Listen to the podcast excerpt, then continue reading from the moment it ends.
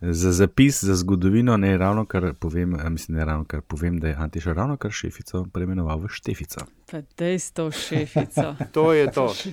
Štefica cvek uraljama života. o, moj omiljeni začetek prezentacij poslovnih. A ste se, te, zdaj prehajamo peti val, dosega počasi vrhunc, ne? spet imamo brutalno velike številke okužb. A ste se že upate s prijatelji in prijateljicami in tako pogovarjati o tem, kdo je kaj cepljen, pa ne? Ali je to še vedno bolj tista rajšne? Na zadnjem je Antiša, da si bil ti tisti par mesecev nazaj, ko smo ugotovili, da se velikih nas njih uh, raje tej temi izogiba, ker prihaja do kar hudih razdorov. ja, sp, uh, mislim, uh, tisti, ki so prijatelji z njimi, vem, ne, in z njimi brez tveganja. Ne bom rekel, da načnem to temo, se, se ji pa ne izogibam. Medtem, kar pri vseh ostalih, pa mislim, pustimo, da me niti ne zanima. Ampak, ne. Okay, okay, ampak skratka, še vedno to. Ja, Ajte, ja. Mucek, komu, a, kdo mucka zadnji? Ne, a, to so moji otroci. Ah, okay. Mislim, da je bila osemka. Um, ja, jaz sem recimo, redi, ne, jaz sem recimo v zelo oskem krogu, imam dva prijatelja, katerih partnerke sta necepljeni, ne, ampak mi se o tem ne pogovarjamo, ker pač nima smisla. To je pač svobodna odločitev mm. posameznika mm. in nihče ne želi verjetno, da to vpliva na naše odnose. Pač eni se odločijo tako, drugi drugače. Dok, mm. Dokler mi ne prodajajo uh, anticiplinskih zarot, je vse v redu. Dokler to še bo svobodna odločitev ne. posameznika. Ha, ha, ha. Ah, uh, ne, bo, bo. Ja. Ja, itak, itak. Uh, drugač, ne veš, kaj se pa kle dogaja, no? ker je vendarle so cepljeni v substancialni večini, pa sami volontirajo ta podatek. Tako zelo hitro, ker se začneš pogovarjati, ne? ti pa tako nekako valijo. Ne? Ja, predtem smo, smo vsi cepljeni, ali pa jaz sem pa trikrat cepljen in tako dalje. Veš, ni um, pač proaktivno ne, se to potem izraža. Ne? Ja, jaz, ki sem dobila tretji šot, sem vprašala zdravnico, a pa je kaj novih in je odkimala z glavo, mm. da nač. Konc je, konc je. To, to lahko potrdim tudi z naše raziskave. Tle, to je to. Aha. Plafon je po mojem dosežen, je mal niže, kot smo tudi ocenjevali, pa napovedovali. Vse tako, pomal po, po, po kapljicah se bo še dogajalo, predvsem po mojem mm -hmm. uh, med najmlajšimi, ker tisti, ki so cepljeni, so zdaj začeli cepati tudi otroke svoje. Uh, ampak da bi pa kaj navzgor, tiste, tiste pa nepremakljivo. Ne. nepremakljivo. Sploh pa zdaj, s tem, kar se zdaj uh, sliši vse okrog, vsa ta zmedenost okrog tega omikrona, a je nevarna, ni nevarna, in kako se širi, in kako se ne širi, in da je res bolj navaden prehlad in tako naprej. Gor dol, skratka, je konfuzija še večja in dela v nasprotno smer. Tako da jaz mislim, da je konc s tem. Kar je narejeno, je narejeno. 57. Kar je narejeno, je narejeno. To je to. Stari moj, mislim, kakšna groteska. Pred nami je časna naloga. Lepo pozdravljeni vsi skupaj, po dolgem času se znova vidimo. Boljše puška v koruzi kot top v množici. Več afer, kot bodo sproducirali, bolj bom grizla in sekala lov. Vlada nima načrta za zapiranje. Kakršno koli sodelovanje s strankami, ki danes podpirajo škodljive ravnanja te vlade, zavračam. Si vi sploh želite čim prejšnjega konca te epidemije? Te razprave ne bom nadaljeval, pa ne zato ker ne bi bil poguben, ampak zato, ker uh, nisem neumen. To je LDGD, podcast, ki nikogar ne podcenjuje in ničesar ne jemlje preveč resno. V imenu svojih najbližjih in v božjem imenu vas pozivam na lov. Danes zapravljate dragocen čas tukaj. LDGD je podcast, ki, eh, kot slišite, nikogar ne podcenjuje ali pa predvsem ničesar ne jemlje preveč resno, še posebej ne politike. Eh, z vami smo Andraš Zorko Valikon, Antiša Korjan, Primorske novice, Aljaš Pengobitenc, Radio Chaos in Nataša Briški Metina Lista. Eh, ambiciozno agendo imamo, pred njo pa čestitke tistmu, ki je predlagal rojevajte za nižji kredit, polit bizarka. To je bila, mislim, da Antiša tvoja, ne? Če se ne motim, prejšnji teden, to je bil NSI, eh, te nove strategije eh, lovljenja glasov, predkampanske, ne, ali kam, kam to sodi, kdo vse bo kaj naredil. Eh, navedno je na spletni strani so tudi povezave na ali tiste izjave, v kjer se spotaknemo ali pa tako. Ne. Skratka, Antiša na veliko si zmagal, gradišnikovi hlapci so na drugem mestu, pol pa sta tam, tam na tretjem, četrtem zdravkova zasebna sporočila, se pravi, to je tisto odgovarjanje na uh, maile, ki naj bi jih uh, minister Počevalšek dobival, in pa na pregled dosežkov LMŠ, to je pa tvitanje pod hashtagom pregled, uh, kaj je ali pa ni, uh, oziroma bolj je. Ja, uh, V njihovih. Andraž, bolj medu je bil tale performance centra. Kjer ga centra? Naj, najna, ti pa je to sta naj, najna predloga, ne? recimo, da je konkretno desno center, LMŠ, levo center, to bi bil šlo v teh politbizarkah, to hočem reči. Ne gre, ne, ne gre, ne. ne pa le vedno je kakšna taka konkurenca, ki pač ne moreš preseči, to, to je jasno. Ne? Mm, zanimivo, da se dosta podobnih koncev prahajajo. Ja, pa to ni, nek, to ni nekaj resno vzel, ne, tisto nagrado za politbizarko leta lani, ker nadaljuje v slogu. Se kar, ja, ja. čeprav sta pa evo le zadnji dve zaporedoma politbizarki, eh, imata vezo s seksom, ne? razplot pa rojevanje za kredit. Ali zdaj. Klele so, kdo hoče zmagati, upam, da imamo. kdo hoče zmagati, je kle, kle denar. Uh, pa imamo pa, ok, te teme za tokratno debato. Rekli smo, prestopni rok, pa živahno dogajanje na predvoljivni tržnici, pa nove stranke in tako dalje potencial gibanja gremo voliti in odzivi na njega, uh, in pa izmerjenka. To je ta, um, ne, izmerjenka pa še v prvi del, uh, Andraša, ki boš ti povedal, kje te ta novi stojijo. A sem kaj pozabila še, ali jaš ti si eno idejo še imel, kaj bi? Ja, no, pa pač um, um, Igor Zorčič se je skušal obuditi liberalno-demokratskega duha. Ne? Ampak ja, to verjetno ja. spada v to temo predstavljen figur pošahovnice in iskanja štartnih pozicij. Ne? Tako da, evo. Ja, zajetna, zajetna zadeva. Andraž, bom kar tebe prosila, da boš štartil, tega, ker imate že številke. Skratka, smo nekaj mesecev pred volitvami, eh, ta skupina nepovezanih poslancev se prerasporeja. E, imamo Zorčiča, ki je ustanovil Lide, medtem ko se nismo srečali, oziroma slišali. Imamo e, Simonoviča iz Desus, ki se meni spivec, imamo Šopek županov, kaj točno bodo mal puščali odprto imamo poslanca Ciglerja iz Levice v SD.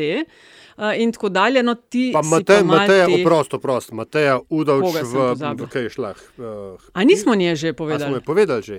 Ja, ja, je bila že mlada. Vse ja, pardoniram, vse pardoniram. No, no, ampak ja, ta, pak, ta paket, zdaj imamo, če sem jaz prav štela, že nekih 17 strank, ki napovedujejo udeležbo na volitvah. Andraš, ti pa povej, kaj kažejo zdaj tako decembrske raziskave. E, mi smo po dolgem času izvedli tisto našo e, šednejšo raziskavo politiko na precej velikem ozorcu, 3500 pa še nekaj čez. In smo se zadeve lotili zelo e, precizno, da ne rečem strokovno. Skratka, mi smo najprej ponudili stranke, ki so obstoječe v državnem zboru in tiste štiri izven parlamentarne, ki so dosegli na zadnjih volitvah čez en odstotek glasov. To je ta standardni nabor, ki smo ga merili po volitvah 2018. Potem smo pa ponudili uh, 8 ali 9 ali 10 nekih novih inicijativ, tudi če še niso ustanovljene kot stranke, z preprostim vprašanjem, kako bi to vplivalo. In na to šele dodali nove, na seznam ponudili anketirancem, da izbirajo med temi novimi in starimi, ampak samo, če so te ta nove uvrstili v nek oži krok. Skratka, da niso imeli celotnega nabora pred sabo, ampak pač tiste, ki jih sami uvršajo v nek oži krok pa tiste, ki so jih v prvi rundi tudi zbrali. Skratka, dost realen pogled na to, med čim kom bi eh, kdo zbiral. Da je nekih presenečen, velikih v smislu, eh, da pa pri nas golob ne kotira visoko, ni, ker kotira zelo visoko.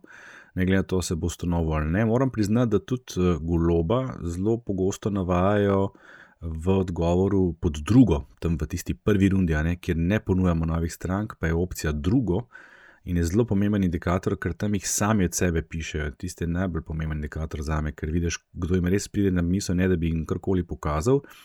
In tam izstopajo tri. Uh, to so Golob, uh, naša dežela, Aleksandr Pivec, pa Vesna. Do ostalih novih se praktično skoraj nihče ne pojavlja na tej spontani ravni. Ne? Ko pa jih damo na listo med tistimi, ki so jih že označili, da so širši, uh, v širšem krogu za njih, tam se pa pojavijo rezultati. In dobivamo rezultate, zdaj te zgornji del, je dosti podoben temu, kar smo že slišali z kakšnega drugega vera. Skratka, golob bi absolutno prevzel primat levo od sredine, uh, prehiti takoj SD. Ki je trenutno drugi, ne za SDS, uh, eh, in zelo očitno pobira glasove, predvsem SD-ju, LMŠ-ju. To smo tudi že napovedovali, konec koncev, če se spomnimo v prejšnjih epizodah. Smo rekli, še predno se je golo plansiral, uh, da čim se bo pojavil nek nov, tipa odrešenik, nov obraz, da bodo te dve stranki najbolj na udaru. Ker sta trenutno tisti, pri katerih se zbirajo glasovi voljivcev, ki pravzaprav ne vedo, koga bi, pa bi vse najrajšnjih, kot pa kaj drugega. In to se, to se dogaja, te, te prelivi oziroma prehodi se že dogajajo. Levica tudi zgubi nekaj na ta račun, ampak ne toliko velik kot prej omenjeni dve, pa SAP zgubi tudi nekaj. Skratka, golob, zelo slikovito rečeno, zelo uspešno razbija rejtinge stranke koalicije, stranke koalicije KUL. Cool.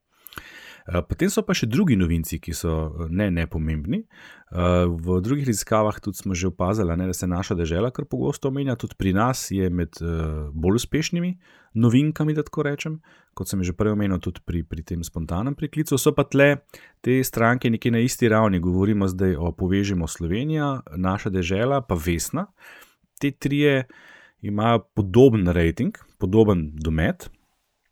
Tisto, kar pa uh, se v ostalih raziskavah ne omenja, pa je mogoče nek tak, uh, neka taka neprijetna resnica, je pa stranka resni pikaca, ki ima tudi kar ne nepomemben rating, sicer manjši kot tiste tri preomenjene. Uh, predvsem je pa pri njih seveda ta problem, ki sem ga tudi pred časom izpostavljal, da, uh, da so to predvsem ljudje, ki se volitev ne udeležujejo. Da ne bom predolg, da zaključim. Aha, vsi ostali novinci tle po naši raziskavi nimajo omembe vrednega dosega, oziroma manjši kot te, te štiri, ki sem jih omenil. Te štiri izgledajo kot taki dosti resni pretendenti. Eh, za, za vstop v parlament, eh, najslabše sta pa odnesla zelena dejanja, pa, pa morebitna prebiličeva lista. Moram pa povedati, to, da smo zraven pri tem pokazali ali logotip ali pa sliko glavnih akterjev, tako da ne bi prihajali do zmišnjav. Um, ena zelo pomembna stvar, uh, sploh za tiste, ki mislijo voliti levo od sredine. Ko naredim jaz en moj graf, ki sem ga tudi že kdaj omenil, kako se stranke oziroma podporniki strank porazdeljujejo, glede na to, kakšen odnos imajo do pravic migrantov in pa homoseksualne skupnosti na eni strani, na drugi pa odnos do vloge države v gospodarstvu, se pravi več ali manj, ali so bolj socialno ali bolj uh, gospodarsko-liberalno usmerjeni, se pa izkaže ena neprijetna resnica spet za levo sredino. Namreč v tistem polju, uh, kjer, so, kjer so podporniki oziroma voljivci, ki imajo precej bolj svoboden odnos oziroma uh, svobodomislen odnos do pravic preomenjenih skupnosti in pa do, uh, hkrati pa pričakujejo večjo vlogo države v, v gospodarstvu, je blazna gužva, gneča, pravilno rečeno. Um, tam se gnetejo LMŠ, SD, SAP, uh, zdaj Vesna. Uh, in pa seveda golobova stranka, ki se nahaja točno na tistem mestu, kjer so se nahajali, ne sojena golobova stranka, kjer so se nahajali do zdajšnji zmagovalci uh, to vrstnih projektov od SD 2008 naprej, govorimo o projektih glasovanja proti Janši. Na drugi strani, v tistem delu na desno, je pa precej manjša gneča, slika je precej bolj čista in pomembneje. Uh, tam so štiri stranke, seveda, SDS, NSI in pa naša država, ter povežemo Slovenijo, ki so pa tako lepo narazen, da uh, je precej očitno, da si bodo zelo malo skakale v zelje. Eh, rečeno z eno tako slovensko metaforo. In to je trenutno zelo velika prednost tega pola. Ne glede na to, da mi tudi opažamo, da ja, naša država bo pobrala tudi par glasov eh, konkurenčnih desnih strank, ampak daleč ne toliko, daleč, daleč ne toliko kot je kanibalizma levo od sredine. Skratka, govorimo o tem, da na desnem polu, res sem dolg, se pravičujem, da na desnem polu je uh, pozicioniranje bistveno bolj jasno, in to je seveda ključna prednost, ne, ker ima voljivc štiri izbire in dost, jasen, dost jasne razlike med njimi. Ne. V marketingu pravimo temu, da so to uh, zelo jasno diferencirane znamke. Ne. To je eno od ključev uspeha, eno od ključev uspeha za, uh, na trgu. Medtem ko na drugi strani ni jasne diferencijacije, velika gneča in se stvari lahko zelo hitro obrnejo tako ali pa v tako ali drugačno smer, in ne na zadnje, lahko pripeljejo do tega, vse ne vem, kaj bi zdaj tle in v neko abstinenco. Aha, da ne bi šli na, na volitve. Na nek podoben način, kot Aha. se je to zgodilo 2018, ko se Šarec ni izkazal kot rešitev. Ne? Če se spomnite, na začetku so ga seveda pograbili, 26% v anketah, pa je pa zgubil za let in podporo, in potem smo bili priča neke vrste abstinenci na tej strani, ki je vodila k tej pad poziciji, ki smo bili v končni fazi priča in ki je na končni fazi pripravila tudi do konca tiste vlade. In tisto, okay. Andraš, kar si zdaj govoril, mislim, to je ta kanibalizem, kot si ga omenil na levi, versus uh, manjši kanibalizem na desni. Ne? V bistvu uh, spet na dlani prenaša tisto vprašanje, štiri mesece pred volitvami, uh, oziroma ne, tri mesece pa pol ne, pred volitvami. Uh, dokdaj bo to preigravanje in iskanje, uh, iskanje tiste pozicije, kdaj potegniti v sprintu, uh, tako kot na zaključni etapi Tour de France.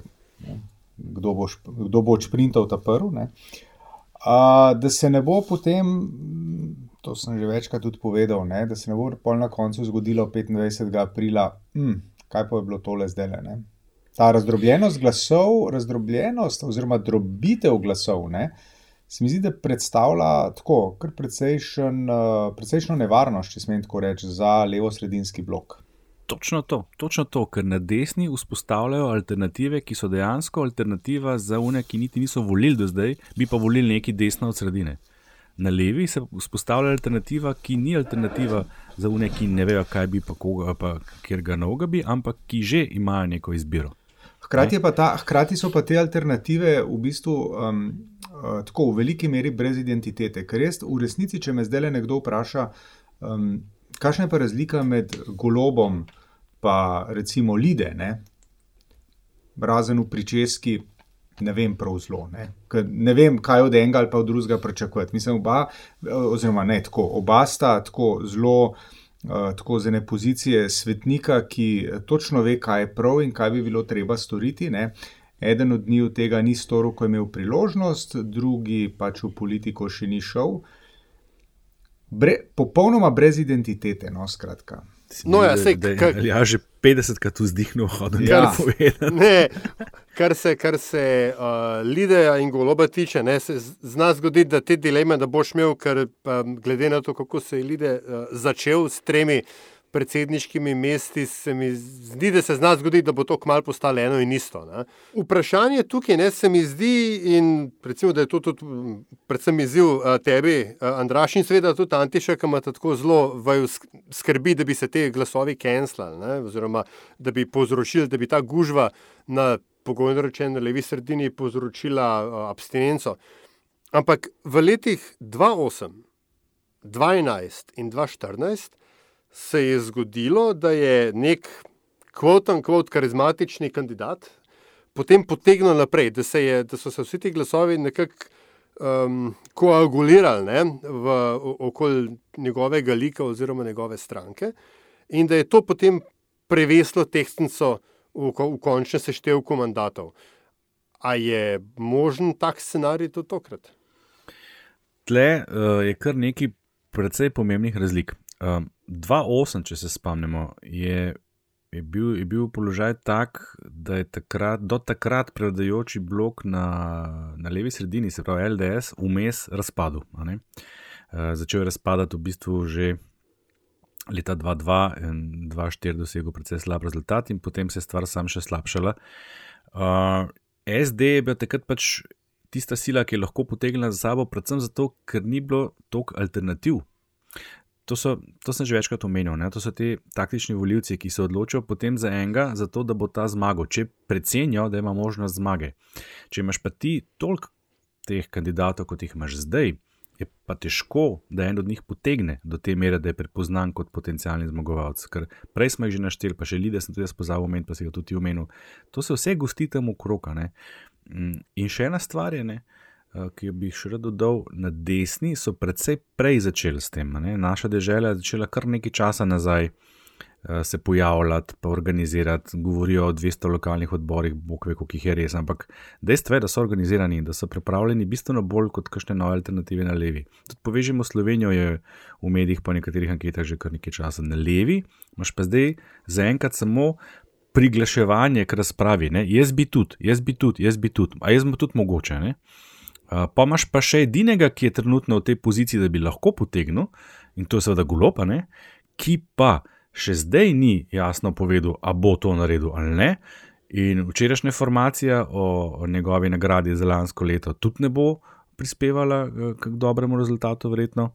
Sploh pa ta informacija, če drži, da, da, je, da se je pripravljen odreči nagradi, če ostane predsednik uprave, kar pomeni, jaz se tle zdaj s politiko igram čist sam zato, ker trenutno nisem predsednik uprave. Ne, imaš pa podobno zgodbo, kot je bil Jankovič, ki je pač na hiter hotel postati predsednik vlade, pa pol to ni bil. Tako da jaz trenutno tazga kandidata levo sredine ne vidim. Ma, ne vem, jaz, jaz kle vidim ful več možnih scenarijev. No, en, eh, se strinjam, seveda, da je golob še vedno nad njegovim političnim angažmajem veliko vprašaj.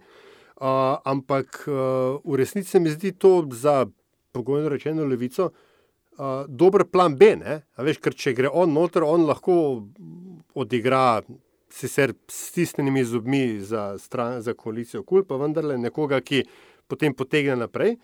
Če pa ne, pa če imamo disperzijo glasov, pa lahko potem še vedno postane kot um, kandidat, ne? črni konj iz ozadja potegne in postane, postane premije. Uh, ker tisto, česar se mi zdi, da se premalo zavedamo, je to, da se v našem sistemu tvoj glas zelo težko izgubi. Če, če tvoja stranka, stranka z katero si glasoval, gre na 4 odstotke, je tvoj glas avtomatično šteje. Mi nimamo večinskega volilnega sistema, kjer zmagovalec pobere vse. Če bo pač, ne vem, pet strank na levi sredini, bo pač pet strank v parlamentu na levi sredini. Glasov bo še vedno enako oziroma podobno. Ne? A veš, kaj mi je zanimivo, Andraš, ki si rekel, da je veliko bolj jasna zadeva na desni. Jaz sem malce sestavljala teh 16-17 strank, ki so se prefočkali za enkrat za volitve. Ne? Zdaj, uh, Golob, mislim, da je rekel, da tam nekje do 25. da bo javil, uh, prej si omenil Prebiliča, ta šopek županov, mislim, da so že v bistvu povedali, da uh, se bodo prilagodili situaciji. Nič samostojnega se zares kot paket ne grejo, kar je bilo razumeti iz tiste njihove tiskovke. Ne? No, in je nekako polovica mi jih padlo na desno od sredine, ne? od ne vem, konkretno naša država, zeleni Slovenije, SDS, NSI, Domovinska liga, resnica. Dobre države nisem vedela najbolj kam da, dala sem jih desno od sredine. Ja, pa si naredila. Je. No, in tam imaš na levi, imaš pa ok, za lide so se rekli, da bo levo od sredine, pa recimo Desus, pa zdaj pa Pirate, pa SAP, LMŠ, SD in Levica. Ne? In to je nekako pol-pol, pri čemer je razlika z desno, da bodo šli konkretno nova ljudska stranka od Kanglerja pa zeleni Slovenija, pa SLS skupaj. Ja, veš, kaj je še ena pomembna ne? stvar, dobro se mi spomnim na to. Ne? Ko jaz primerjam ta isti graf, ki sem ga prej omenil, pozicijo voljivcev, podpornikov strank, prej pa pol, se pravi, predno dodam nove, se zgodi polarizacija. To je, pa, to je bil pa en tak neverjeten, neverjeten pogled, ki sem to prvič videl. Dejansko se od sredine stran vsi mal uh, uh, odmaknejo. Veš, prej uh, Pri prejšnji ponudbi so bile stvari bolj, bolj mešane, bolj, rekel, bolj zvezne. Tle zdaj s to novo porazdelitvijo, s temi novimi akteri, se pa stvar mečkam bolj polarizira. S tem, da še enkrat desno dol so samo štiri, se pač povežemo Slovenijo, da skupaj, jaz nisem v njih več pa posebej gledal. No, se to je pol, če bojo na levi tudi naredili kaj skupaj, ta tako, zdaj, pa tako, golo, tako. pa lide. Pa pa pazi, ne, ne. Čuš, recimo, njegovi zeleni v anketah kotirajo relativno visoko, glede na to, da se nikjer ne pojavljajo, ampak oni v hipu, ko dodam vesno, zgubijo pol podpore. Tudi njihovi podporniki so tam levo zgoraj, se pravi, med, med levo-sredinskimi strankami, ker prihaja po mojem do zmede v anketah zaradi njihovega imena. V trenutku, ko ti dodaš vesno, zgubijo oni polovico vseh glasov in pol jim res ne prostane, da grejo, povežemo se.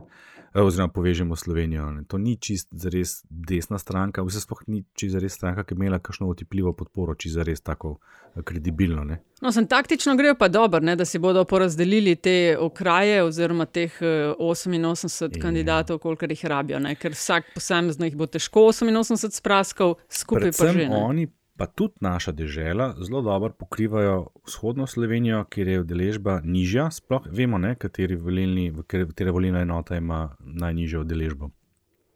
Uh, ja, um. Odkot prihaja Aleksandr Pivec. Uh, in Andrej da, Čuš, če smo že pri tem. In Andrej Čuš.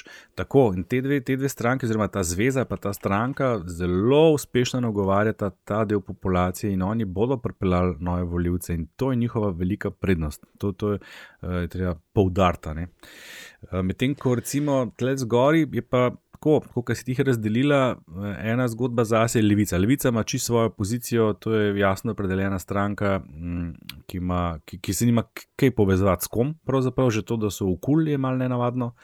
Uh, polje, posodeli pirati, pa vesna, malo odstopajo. Vesna sicer trenutno ni podpornik, izgleda zelo podobno. A vesno si ne, dal ne, levo dal. od sredine. Jaz, jaz ti povem, se, kam se umestijo podporniki. Aha. Tisti, ki so danes rekli, da bi vesno volili, so danes tam nekje okay. v levi sredini, so predvsej bolj levi kot desni.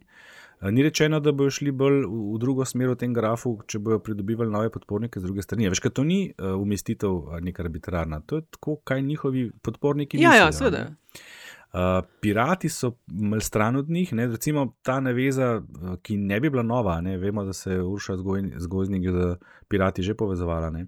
Če se tle kakšna povezava zgodi, je to lahko tudi en center, ki bi bil dost samosvoj, dost deleč stran od ostalih, da ne bi padel v to uh, godljo. Uh, potem imaš pa tle še SD, ki si ga tudi težko predstavljam, ker vendarle so socialdemokracija, se, se sami sebe pozicionirajo kar precej levo, medtem ko vse ostalo, ne, uh, Lide, Golob, LMŠ, SAP, zdaj to pa vse zdaj. nagovarja v bistvu isti bazen voljivcev in vse to skupaj bi utegnilo potem prijeti na tisto pot, ki jo je. Uh, uh, kaj se reče z lepo slovensko besedo, trajektori, ki ga je Ljaš prej omenjal. Ta, ta združba z vsem skupaj, ampak to, veš, spet je dost uh, raznolika, ne? ampak dejstvo je, ne govorim zdaj, koliko so oni kompatibilni med sabo z vidika njihovih vodij ali pa programov, ampak uh, voljivci, tisti, ki jih izbirajo, ki posegajo po teh izbirah, so si blizu. O tem govorimo. Antiša, ti si tak športnik, boš znal kaj finga na to temo reči. Nekaj mesecev pred volitvami se seveda postavljajo zdaj kandidati v okraje, ve se, da eni so bolj, za nekatere drugi manj izvoljivi. Kar nekaj prestopov je bilo, zdaj uh, v teh zadnjih dveh letih so, če prav gledam, razmišljam, SD največji dobičkari v smislu, da so jih tri dobili in sicer kar dva iz Levice, Trčka in Ciglerja, pa še predtem Gregorja Židana iz SMC-ja. Uh, pa SAP je pridobil, pa um, SMC jih je olala izgubil. Um, kaj se ti, kakšne misli se ti utrnajo ob teh no, prestopih? Ra, A še čakaš ne, kakšnega? To ne vem, ampak eh, hočeš reči, kakšne misli ob tem, da letijo v vendarle relativno predvidljivo okolje iz relativno nepredvidljivega okolja. Ker namreč za to gre, ne, veš, Mislim, za to gre. Ti greš iz pač neke neke, uh, nekega okolja, ki, dobro, SMC pa vemo, ne? mislim, bo ne bo, očitno ne bo. Ne? Zdaj, levica bo sigurno izvoljena v parlament, vprašanje je samo, ali je, je gospod uh, dubu signale, da bo on ponovno na kandidacijski listi. In kot razumem, teh signalov ni dobil, ne? zato gre pač šel in je ukrepil. Ker ni članarine dal. Ne? Ne? Uh, Ok, ta je iz trte izvita, ne? to bi lahko drugega si izmislili, ker eh, kao ni poravnal vseh obveznosti. Pač človeka spomniš, ej, stari tam še ne vem, 200, 300, 2 jurja za plačati, poravnaš in je, kleblo neki drug. Očitno, ne. Ali jaš si ja, hotel nekaj reči? Ne, hotel sem ja. sam eh, pripomniti, da, da ima večina strank tudi te določbe, da njihovi funkcionarji. Ne? Morajo dati tudi odstotek od plače za članarino. Da, ja, veš, zdaj, če se tega denarja veliko nabrali, pa če so se dolg časa o tem uh, drkali, jaz razumem. Mogoče, oziroma, se mi zdi verjetna tudi uradna razlaga, zakaj je šel. Kako konči vas, čisto vse, pač šel je. Ne? Ja, je pa tako, da je. SD, ja, dalo se je razumeti, ker je malo pozabil plačati. Stranka, no? ki pač je v slovenskem parlamentu odnegdaj, še prej bila v skupščini in tako naprej. Uh, tako da um, to je pač okolje, kjer se bo vedno dal uh, poskrbeti za, uh, za svoje predane člane. Tej, kako predam bo gospod Cigler, bomo videli. Ne? Ampak uh, korito, bo večje, korito bo večje, kot bo korito pri uh, levici, to pa definitivno. Veliko delovnih mest imajo na voljo. Ja. Si hotel reči, da ne. Tako nekako. Ja. Ti veš, kaj sem se pa jaz spomnil, zdaj, kako sem se začel smejati, ker sem videl ta tweet od levice, da, da pač Cigler uh, ni plačeval, da, da, da ne bo kandidat, ja. zato ker ni plačeval članarine. Jaz sem mislil, da oni v bistvu trolajo Ciglerja iz NSI. ker, se, ker se je pred par dnevi hvalil s tem, da je on zaslužen za dvig minimalne plače, kar je tipična tema levice. Razumeš, češ? Ja, ja. Vse en, lepo se je potrudil, ampak ne bo, ker ne plačuje članarine. Ja, včasih je realnost še onkraj trolanja. Ja. Ej, Nataša, oprosti, za, za trenutek nazaj, ampak a si te prav razumel, da si rekla, da se bodo teli povežemo vse, ne, kva, to so kavčca, pa ja. zdravc, pa vse oni. Konkretno, ne, tako, ne, nova ljudska. Bodo, kako bodo ja, oni kandidirali? Ja, zdaj opazujem na Twitterju in pravijo, kako so se zmenili glede kandidacijskih. Uh, Dej mi en TLDR, no? ker, ker tako, nekaj se mi je šajna, kle zdaj v glavi. Kva bojo? Je ne prav nič drugega, razen tega, da so tvitali, kako sedijo skupaj na sestanku, kot povežemo Slovenijo. In upam, da nisem narobe razumela, da pač so se uskladili glede 77 ali 72 mest že. Jaz sem to razumela kot, a veš, da nastopajo skupaj. Ker kleš, da bi en, vsej, hej, verjamem, da so tudi na to mislili, ampak a, zelo pomembno je, da imajo vse politi, da politične stranke, ki resno mislijo ne, in ki hočejo imeti šanse za vstop v parlament, da kandidirajo, da imajo kandidatne liste v vseh volivnih enotah. Ne. In zdaj, a veš, pol razmišljam, kako kako si bojo oni to razdelili. Valjda ne bo tako, da ne vem, bo imel sam vem, konkretno pač tri kandidate v, e, v vsaki volilni enoti ali kako. Skrat, veš, ta mehani, mehanika vlaganja list zna biti pri toliko novih strankah spet pomembna. Ne? Spomnimo se, Trs v svoji prvi iteraciji. Je v tretji ali četrti volilni enoti, se pravi, eni od Ljubljanskih zajebov in ni dal pravilne liste, in pok niso bili, uh, uh, pač niso imeli polnacionalne pokritosti. No, le veš, kaj je tvitno Kangler.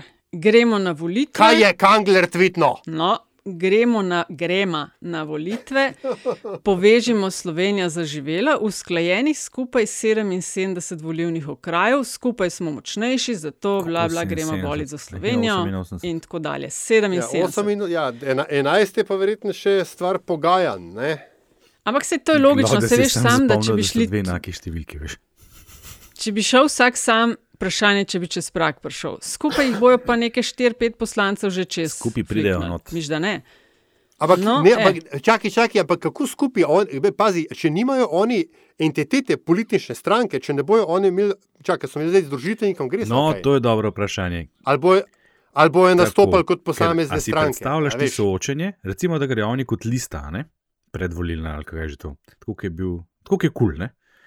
Kako se bo izmenil, kdo bo šel na soočenje? Exactly. In kaj se zgodi, če gre na soočenje na eni strani uh, počivalšek, na drugi strani pa kangler, ali pa čuš, ali pa, ali pa, ali pa koščca in tako naprej. Ne? Ampak, gledaj, to še ni tak problem. Ne? Problem je v tem, uh, kdo je kandidiral. Veš, ker če kandidirajo stranke, če, bojo, če bo kandidirala formalna koalicija, ki bo imela eno listo, bo potem razdelitev mandatov jasna. Ne? Če pa bojo kandidirali sami, potem pa glasovi petih strank ne bodo šli v en koš, ampak bodo ostali v petih koših. Tako ne? je, ne? oni morajo imeti entiteto, če hočejo exactly. priti.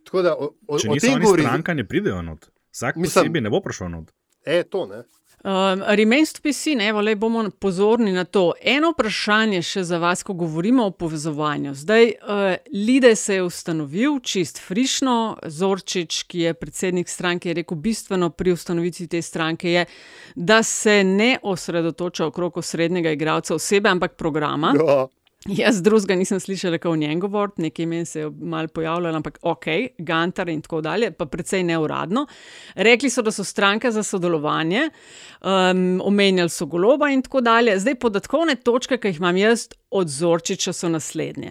Ko je on se pridružil Cerarju, je bil tam sred 35-36 let, uh, prazen CV, on ni prišel kot nek izdelan človek ali pa nek player na, na gospodarsko-političnem parketu.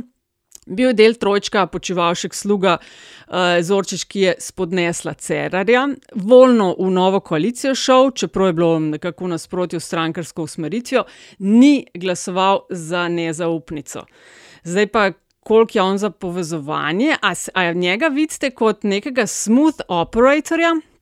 Ali pa še eden tistih z višinsko boleznijo, ki ponavadi novince napade na začetku, uh, vse pa jih tudi pol v terminalni fazi ki se začnejo zavedati, da utegne biti rdečih preprog mal konc ali pa imajo iluzijo o lastni moči pomembnosti. Klej mi pade na pamet Weber, če se ga spomnite. Se, ja, nis... Del velikega sistema. Pol je pa nekako kar mislil, kako bo potegnil on milijone glasov za svojo stranko, vse pa zelo slabo končal. Skratka, je Zorčič smooth operator, In bo zdaj s tem povezovanjem spet neki not prišel, ali je bolj tisti, kje kdo bo za njega. Iz tega, kar je bilo uh, doslej videti od njega, ne, bi jaz prej se nagibal k temu, Nataša, kar si na zadnje rekla, ne, kdo bo za njega volil. Uh, jaz bi spomnil tukaj tudi, da je gospod Zorčič bil dvakrat zapored, lani in letos, ne, uh, samo s to razliko, da od dveh različnih predstavnikov uh, nas četverice, imenovan za razočaranje leta, se prav jaz to spomnim. Um, tako da potencijala, jaz tudi to sem že večkrat povedal, ne vidim prav velikega. Ne. On tukaj ribari, se mi zdi, v, tej, v tem uh, že kar močno napolnjenem bazenu uh, novih obrazov, če smo spet o tem se pogovarjati. Ne. Nekoga, ki, ki, ki bi rekel, ima neko, neko ambicijo. Uh, zasest uh, pomembna položaja, zdaj je na pomembnem položaju, na katerem ne pušča absolutno nobenega pečata. Uh, Uh, in uh, ima, se mi zdi, to ambicijo ne, pretrgati z dosedanjo politično prakso. Dajmo se o tem mal smejati, ne, ker je bilo uh, toliko enih poskusov, da bodo delali drugače, in vsi so se končali razmeroma, razmeroma klavrno. Um, politika je v Sloveniji taka, kot je, ne, in uh, dvomim, da bo tudi Zorčiču in njegovim potencialom to uspelo. Ma, jaz bi le vendarle še to dodal, da je še tretja opcija. Um, Pričemer je Nataša se strinjala, ta tvoja primerjava z Webrom zelo na mestu. Sej sta sam na drugem koncu kočevskega pragozda, ne? kako že to. ja, ja, ja. Ampak um, tisto, kar sem že prej pač omenil, men, veš, meni je zelo, zelo pomenljiva je ta struktura Lideja s tremi predsedniškimi mesti. Kdo bo stal? In dva prazna. Tako, kdo bo stal, ostala dva predsednika. In jaz tukaj zaenkrat, kot danes stvari stojijo, vidim, Roberta Goloba ne? in pa Ljuba Jasneča, oziroma kdorkoli bo pač že prevlekel v lide tisto truplo, ki sliši na ime Desos. In, uh -huh. veš, in, in e, zato ga jaz tukaj vidim predvsem kot nekega placeholder uh, politika, ki dobesedno ne, greje stavček dvema, še, še za dva druga. No, lej, to bi jaz dal v kategorijo smutno. Ja, ja, to je tisto, ko greš z otrokom v trgovino pa vidiš, da je na blagajni gužva, pa pa otroka, ker uh, na, blaga, ja. na blagajni pošleš, ti greš pa na hitro po kruh, pa mlek. Ne. Ja. Prav zelo če vnki v vrsti. Ja, ja, stvar, ki sem jo kot otrok najbolj sovražil in seveda jo najbolj sovražijo tudi moji otroci. Ampak isto jim delaš, kaj? Ja, no, mislim. Ja, no. A ti no, ne? Je pa, evo, ta bo pa. V izjemnih primerih, v izjemnih primerih. Je pa, ima pa Andraš uh, Šarec že tako izpričane težave in z Zorčičem, čež da mu ne gre zaupati, in tudi z golobom, za razliko od ostalih, od ostalih uh, iz gibanja KUL, cool, se mi zdi, da tudi. Ja, bomo videli, kaj bo naredil. Vsi ostali malo povezovanja, ampak on pa z obema mal se zdi, da mu težko ja. padeta. No.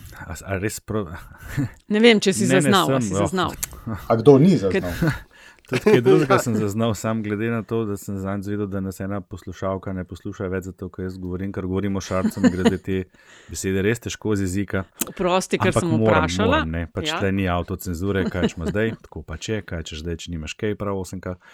V glavnem, uh, uh, se spomnite, Šarc je prvi potegnil ven to, mi ne bomo sodelovali s to vlado, oziroma stranko SDS in strankami, ki v tej vladi sodelujejo, in potem so še razširili to na stranke, ki bi utegnili s to vlado sodelovati. Jaz sem celo na Twitterju direktno vprašal Marjana Šarca, da mi potrdi to, kar me je res zanimalo, če je to res to. In je potrdil, da je to res, ne? ker pomeni, da se s, tistim, njegovim, s to njegovo potrditvijo se ta seznam, s kom oni ne bodo sodelovali, razširil na 8 ali 9 strank. Zdaj, pred kratkim, eh, poleg tega, kar je omenil Golobu, ni bilo en teden nazaj, mislim, da so pa v eni vdaji na TV Slovenija to izjavo ponovili, Pavlo Soboto. Eh, je pa izjavil tudi, da tudi za stranko, ki še ne obstaja, torej Zorčičevo, takrat še ni obstajala, ne bodo sodelovali. Ta se mi zdela, ta se mi zdel, ta se mi zdel kar en tak presežek, veš, da ta seznam, že, ki je že tako dolg, ne, razširaš še stranko, ki sploh še ne obstaja. Tako da, jaz žal tle ne morem drugega reči kot to, da, da se Šarc uh, poji uh, samo na tem, s kom nas sodeloval in to ni dobra popotnica, rejtingi jim padajo, že odkar so se stopili z oblasti trend se ne obrača in z vsako novo stranko, ki pride v ta bazen, golob ni edini, sem jih prej vse naštel, ne, zgubljajo. Veš, njim, njim čist vsak novinc mal poberejo. Ne. In če se, ja, če se ne bojo hitro obrnili, če se ne bojo zelo hitro obrnili, uh, se bojim, da, da je ta usoda njihova precej črna. No? Ja, le se mogoče pa resnico govori, ne? mogoče pa res nam sodeloval z nobeno od teh. Se ne boja, kanal mogo. mogo. Ja, ja kanal mogo. Tole še, preden gremo, pazi, to skoraj 35 minut, bila, preden gremo na polit bizarko. Mogoče bomo danes zelo hitri. Um, kaj pomeni visoka udeležba na volitvah, smo že večkrat povedali. Ne?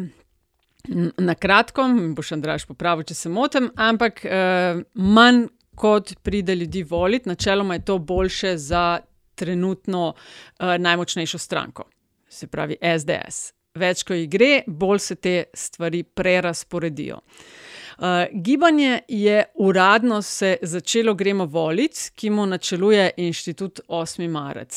Uh, res, da je tudi Kangler gremo voliti, uh, tvitev. Uh, kako, Andiša, uh, vidiš ta potencial tega gibanja, pa konec koncev tudi malo reakcije z leve in desne? No, potencial, glede na to, da se v veliki meri prekriva z inicijativo, ki je takrat mobilizirala ljudi na referendumu o vodah. Ne, uh, Eh, potencial vsekakor je. Tisto, kar je treba zdaj opazovati, je, kako, uh, s kako težkim orožjem se bodo nad ta potencial oziroma to gibanje, gremo voliti, uh, spustili z druge strani, ne, se pravi političnega spektra. In to se je že začelo dogajati. Ne. Mi imamo tukaj uh, precej žovčne napade na predvsem prvo ime. Prvo ime tega gibanja, to je Nika Kovač. Uh, Uh, in uh, tisto, kar je, kar je kot rečeno, za opazovati, je to, um, kakšnih udarcev vse bodo, uh, bodo deležni. Uh, volivna udeležba je v resnici precej nizka, s tem se ukvarjajo vsi, tudi na državni volivni komisiji si želijo, da bi bila višja. Uh, politiki se morajo zavedati, da je uh, njihova legitimnost, uh, pač čim više je volivna udeležba, više je volivna uh, njihova uh, legitimnost. Um, zdaj pa, ali bo uspelo njim ljudi zmotivirati do te mere, da se bodo v večji meri odpravili na volišče, to je pa veliko, veliko, veliko vprašanje, ki si ga jaz, jaz si zdaj ne bi upal odgovarjati na to. No, mogoče kdo od vas treh bolj pogumen, jaz bi bil tukaj zadržan. Ne? Odpor in to vse gliharstvo do politike pri nas, ne? vsi so isti, karkoli se bo že zgodilo, Eh, ne bo spremembe, udanost, če hočete, v nivo politike, ki smo mu priča zdaj, je, uh, je prevelika, oziroma je zelo velika, ne? razočaran nad glasniki novih praks in uh, um, novih prijemov, novih pristopov, uh, nove etike v politiki, je pa tudi kar precejšnja. Tako da jaz ta sentiment v javnosti um, kar precej razumem. Zato pravim, ne, da je um, pred uh, gibanjem gremo na volitve kar velika, uh, velik zalogaj. Uh. Um, uh. Kolega, doktor, izvolite. Nekaj si se spomnil, ja, nekaj si ja, se spomnil. Ker imam toliko stvari, se bojim, da bom kaj pozabil. Uh, Nataša, to, kar si uvodoma povedala, drži načeloma, pa zgolj uh, ta, da više odeležba škodi uveljavljenim strankam. To drži samo načeloma. Ja, ja, ja, smo to. Ja. Do neke mere, ja. tako rekel, zgolj deloma. Zakaj? Ker ta uh, del nevoljivcev oziroma neodeležencev ni neka amorfna gmota, ki bi se jo dal kratko zlahka nagovoriti in prepričati v nekaj, o čemer danes ne razmišljajo. Um, kar se lahko zgodi, bom zdaj to povedal, ker bi mogel na zaključku povedati. Uh, vsaki, vsakašni pozivi, vključno s tem gibanjem, ki bo po mojem zelo pomembno vplivalo na rezultat volitev in bi se jaz na mestu določenih strank zelo bal, uh, je, je hkrati poziv tudi voljivcem, ki jih pa ti mogoče nočeš videti na voliščih. Uh, namreč, kaj se zgodi? Ne? Mi imamo tam nekih 50 odstotkov voljivcev, ki so volili 2018 in to je po mojem mnenju spodnja meja. Te so, te so gotovi, te bodo prišli. Tudi se naše raziskave kažejo, da 50 odstotkov to je zagotovljeno. In v primeru teh 50 odstotkov bo razmerje tudi približno tako, oziroma bi bilo, uh, kot, je, kot je bilo uh, leta 2018, Prav, blizu pol-pol. Pomaž pa v ostali polovici, uh, od ostale polovice, se pravi tistih 50, je enih 10 do 15 uh, ljudi, voljivcev, ki niso neodeleženci. Ampak ne pridejo, če nimajo prave izbire, ali pa ne pridejo zaradi tega sentimenta, ki ga je Antiš omenil. Vse so vsi isti, ampak v resnici ni čisto vse en. V teh 10 do 15 odstotkih je pa razmerje vendarle bolj levo kot desno, bolj leva kot desna sredina. Ne? In na ta del v bistvu cilja inštitut 8. marec. In jaz mislim, da bodo oni morali v enem trenutku kar zelo jasno povedati, koga vabijo na volitve. Ker če bodo oni, pa še kdo drug, zelo na glas, zelo na široko in vse povprek vabili na volitve, se zna zgoditi, da bodo vznemirili tiste nevoljivce, ki pa so nevoljivci, neodeleženci, ki bodo rekli: Ja, ok, če pa že hočete, bomo pa prišli, ampak volili bojo pa resnico. Ker ostalih 35% tam pa harajo take stranke. Ne? Desna sredina lahko pritegne nove, smo že večkrat omenili, sploh s tema dvema projektoma. Leva sredina, tudi če bo se uspela konsolidirati in postaviti jasne izbire, da tam ne bo deset strank, ampak da bodo kvečemo tri, morda največ štiri izbire, ki bodo dovolj narazne med sabo, da se bo človek imel med čim sploh odločiti. Če boš pa ti provociral, provociral, provociral na način, kot se je recimo obravnavalo nasprotnike cepljenja, se pa potem ve, kaj se zgodi. V eni fazi popenijo, imajo dosti in pridejo na ulico. V tem primeru bi pa znali celo poiskati volišče in se pozanimati, kako se pravzaprav vol in obkrožiti stranke, kot so resnica, pika, oziroma resni, pika, ca, pa še kakšno tako te sorte. Sam veš, kva, zdaj ti bom pa nekaj rekel. Če mi, da, če mi daš na izbiro odločno višjo volilno udeležbo ali pa recimo svetovno nazorsko bolj prijeten rezultat, bom čisto iz principa izbral prvo. Ne? Zato, ker če kaj manjka tej državi, je pač povečana legitimnost političnega procesa. Ne? In, in, in, in zdaj je bi ga, če to pač pomeni. Lej, v moji državi tega no, problema mislim, ne bi. Jaz sem ja, hotel ja, reči, da bi imel udeležba ne pomeni tega, ker trenutno razmišljajo na levi sredini, da je to njihov problem. Ni to glavni mislim, problem. Pr, Vprašanje je, na levi sredini sploh kaj resno razmišljajo. To, to, to, je, to je večno vprašanje. Ampak eh, nekaj drugega, ne? mogoče jim pa inicijativa inštituta 8. marca reši ravno ta problem razmišljanja. Ker, kot smo mi večkrat že rekli v LDGD, pa tudi drugi, biti, samo biti proti Janši ni dovolj. In, in, in izziv, ki ga je kul, cool, pa tudi širše, z leva sredina vedno imela, je, kaj ponuditi. Ker je pač veliko, večji, večino tega je bilo, so bile dosti zlajne na fore, slej, ko prej končaš na eno bejo. Ne? Tukaj vidim priliko inštituta 8. marc, da bodo oni odpirali teme, okoli katerih se bodo posamezne stranke kula lahko opredeljevale. In boš potem malo boš proti, malo boš za, kje boš malo bolj pograbo, kje boš malo bolj drugim prepustil. In bo v bistvu oni bodo kulu diktirali, um, da rečem, program, nek zelo široko gledano, sej ne da ga Unija ne bo imel. Ampak odpira bodo vprašanja, okoli katerih se bo lahko kul pozicioniral, in tudi, veš, bo se bodo mečkine razlike okoli njih pokazali. In pa boš tudi na levici videl, kdo ti je bližji. Ne? In v bistvu na nek način potencialno lahko to reši problem, ki smo ga mi v vsej tej epizodi raz, razgaljevali, ne, in sicer, da so se te stranke prebliz na premehkem prostoru politično. Zdaj, če kaj pomaga, ne? mislim, da so bili kar dosti jasni, um, Andraž, zakaj pozivajo, gremo volt. Mislim, ja, seveda v čim večjem številu, ampak je jasno, proti čemu so. Ne? Hkrati ob tem, da gremo povedali, ja. volt, uh, delajo na zakonu, zakonu proti, uh, ki naj bi spremenil tako pravijo, ne, škodljive učinke vseh prejšnjih zakonov. Ne. To je ena stvar. Zdaj, zakaj jaz pa bi si že danes upala reči, da bodo pripomogli k višji udeležbi? Um, kampanja referendum za vodo. Ne. Takrat je bilo na desni, dobro, to je pa spet način, na katerega se lotevajo njih. Ne. Na desni je takrat bil odziv, kot se spomnimo, da je čim manj o tem govoriti, da všlomim, tako in tako ne morejo zbrati dovoljšne število glasov. Zdaj odziv tokrat, po tisti julijski izkušnji, je uh, popolnoma dru drugačen. Ne? Tista demontaža, ki je bil referendum za vodo, je sigurno lahko razlog na desni, zakaj jih je strah njihovega potencijala. Ker napadli so grobo, žaljivo, nestrpno, komentirali znajo, izgled, starost in, in tako dalje. Ja, ampak.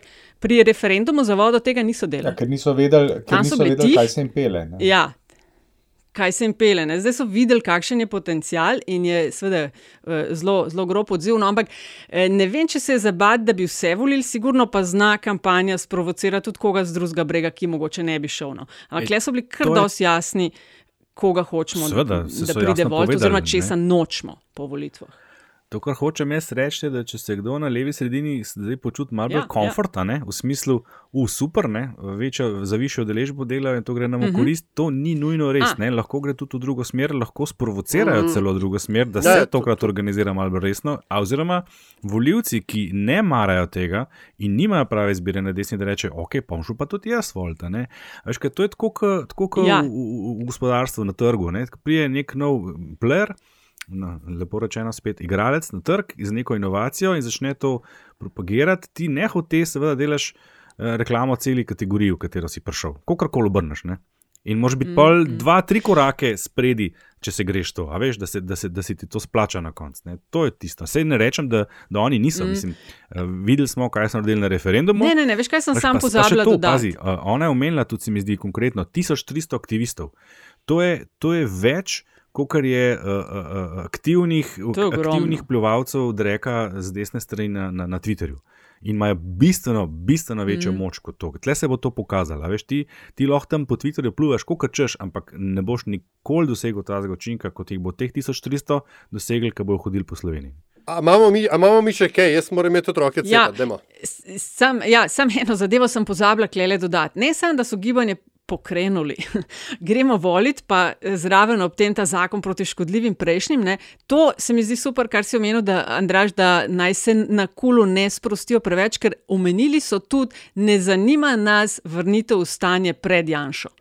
A veš, in klele jih bodo, bodo narekovali tempo. In se mi zdi, da je to kar kar to so prav. kar jasno sporočili. Tako je bil referendum jasno sporočilo kateri koli vladi, kot sem takrat rekel. Ne? Mm, mm. E, ok, um, Ljaš, pa pa kar štarti. Kaj, smo, ne, gremo na politbizarko. Mislim, da smo to usvojili enoglasno, ta predlog. Ker se ja. gremo cepati. Ja. Skratka, politbizarka je človek, eh, zmagovalec politbizarke leta, kot sem rekel že na začetku, nadaljuje v slogu, ker očitno mu je stvar prirasla k srcu. Uh, tweet, izjava karkoli uh, ministra za obrambo in predsednika NSA, Mateja Tonina, da je socializem danes in jutri vodilo ed stranka Levica in to se je tudi uradno potrjeno in da s ed stranka Levica gremo nazaj v Jugoslavijo, z Novo Slovenijo pa naprej v moderno Slovenijo. Um, človek ne vem, kaj si mislil, ampak naj ti nekdo vzame telefon, ker tvitaš več, kot hočeš povedati. Ne? Juga je crknila, Slovenija je, kako koli obrneš, moderna država, ne glede na to, ne glede na prizadevanje nekaterih. Ne? A, tako da to je konkretna bizarka, mislim, da bo tudi močen kandidat za bizarko leta. Um, Andraš, recimo? Jaz se, se upam izvati tole Aljaževo, bizarko z, z uh, eno Vordovo tabelo, objavljeno na dveh straneh, v kateri je nekdo z velik gneva in jeze zapisal vse, kar ga je motilo v zadnjem tednu na televiziji Slovenija in to skuša prodati kot analizo oziroma celo sporočilo o nepristranskosti oziroma pristranskosti poročanja eh, slovenske javne televizije.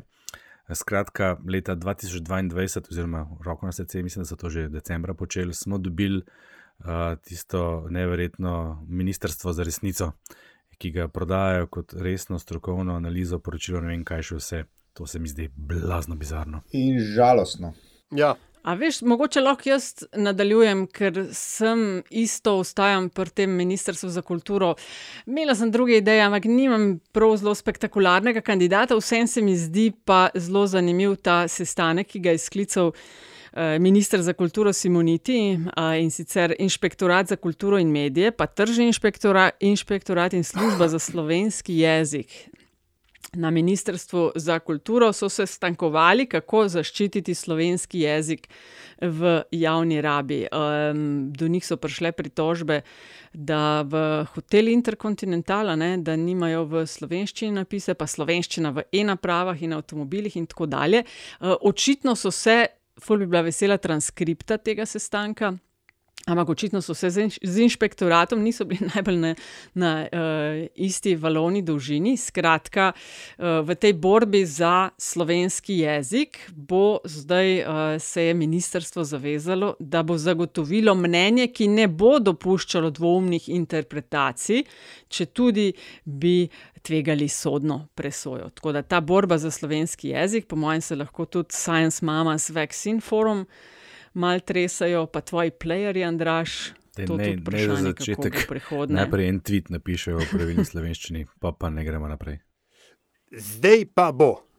Ja, jaz bom pa, uh, jaz bom pa nominiral Marjana Šarca. Marjan Šarec je na televiziji, oziroma njegovo izjavo. No, nisem, ga nagovoril, nisem ga jaz nagovoril. Uh, ne, ne, sem slišal njegovo izjavo na eni od dveh televizij, ki jih ponovadi gledam. Namreč rekel je, da na vprašanje, ali bi podprl uh, Roberta Golova za kandidata za predsednika vlade, je rekel, da se bolj nagibajo k temu, da kandidat za predsednika vlade se najprej preizkusi na volitvah. Uh, s čimer se ni težko strinjati, lahko se s tem strinjamo in je to povsem legitimna uh, politična odločitev če ne bi ta isti govorec v zadnjem letu podprl enega kandidata za predsednika vlade, ki potem niti ni prišel v parlament, to je Jože Padamen, ki volitvam niti blizu ni bil, ne? in drugega kandidata za predsednika vlade, to je bil pa Karl Javec, ki je na uh, volitvah v državni zbor grandiozno pogrnil. Tukaj je pa nekaj nedoslednosti, na katero velja upozoriti. Skratka, to so štiri politi bizarke. Bolje šarec v roki kot golob na strehi. Zmotil si se. Čeprav mislim, da to, kar je rekel o sebi. A misliš, kaj je sebe za vrabčko? Tukaj je Mendel imič, ki ga zelo jaz nočem imeti v glavi. Hvala zelo dobro povzema to, kar no, je še no. povedal. No. ne, se ima, no, veš, ne, do, do, dosleden pa je, no, dosleden pa je, da imamo vsaj enkrat nekaj pohvalega. No, dosleden pa je. Vsaj pri teh metaforah. Te mislim. Boš ti doživljenjsko dobo na šarce, kot imamo na uh, Janšu, pa na Hojsa. Si ne morem pomagati. Um, ja, pa začni, kdo želi? A želi kdo začeti z zadnjih 30, se pravi, to je tistih 30 sekund, ko vsak med nami lahko pove, kar želi, svetuje, priporoča, deli kaj dobrega. Kar da je Štefica. Štefica je. Tok nervozna bila celo epizodo, zdaj bom pa povedala daleč, daleč, daleč najpomembnejšo stvar, komaj sem čakala na zadnji, sem hotela začeti s tem, ampak sem rekla, bo mogoče močnejše, če bo na koncu. Dragi moji, danes, ko je šla epizoda 14. januar, se začenja retrogradni Merkur. Trajal bo do 4. februarja, letos štirikrat, ne samo trikrat. Štirikrat bo letos, običajno je trikrat, to je vedno naporno, je pa priložnost, da očistite odnose, izboljšate komunikacijo, eh, z andahtjo, ne hiteti, ne na hiter, vzemite si čas zase, za svoje bližnje, oddahnite si od tehnologije, recimo ta weekly report, screen time per day. Manj je več, uh, to je čas, ki lahko pričakujete nepričakovano, ne pa biti presenečeni, če boste v teh dneh dobili kakšne klice, tudi kakšen SMS od starih ljubezni. Torej, retrogradni Merkur, pozor, vaša spiritualna svetovalka. No, in bom uh, ob gledanju na koledar bom, uh, bom nadaljeval. Ne? In po 14. pride 15., ne? ko se spodobi, da nekomu iz te zasedbe štirih voščimo rojstni dan. Ne? In potem pride še 16., ne? ko pa se spodobi, da pa še enemu iz te naše četvorke voščimo vse najboljše za uh, rojstni dan. Uh, ali in če se bosta oglasila, se bosta pa sama. No, in bom nadaljeval jaz. Um, enkrat standardno priporočilo z enega od uh, streaming servisov na Amazonu, lahko vidite. Borat's American Lockdown and Debunking Borat. Uh, gre za neuporabljen material iz Boratovega drugega filma, The Borat Subsequent Movie Film. Če se spomnite scene, ko, se, ko je moral biti Borat v lockdownu z dvema rednekoma, na tem je cela serija sloni. Stvar je tako hilarična, kako je zaskrbljujoča in uh, močno, močno priporočam ogled. Mene je moj prijatelj tako ganil svojih zadnjih 30, da sem pozabil, kaj sem hotel povedati. Zdaj se bom zvlekel z. Um, izdal si se, izdal si se. ja, sej, že sem pa ganjen. Uh, zvlekel se bom z pozivom bivši poslušalki Heleni z Twitterja, da vendarle še enkrat poskusi in naj nam da novo priložnost. Jaz obljubim, da se bom nazaj držal. pač včasih se ne morem, nimam nič osebnega proti njemu, niti proti njegovim voljivcem. Ampak se mi zdijo nekatere stvari res zabavne. Ne bom ga omenil, da ne boste spet rekli, da ga preveč omenjam. E, torej, Helena, vrni se. Antiša. Izvoli, Nataša. Hvala. Hvala.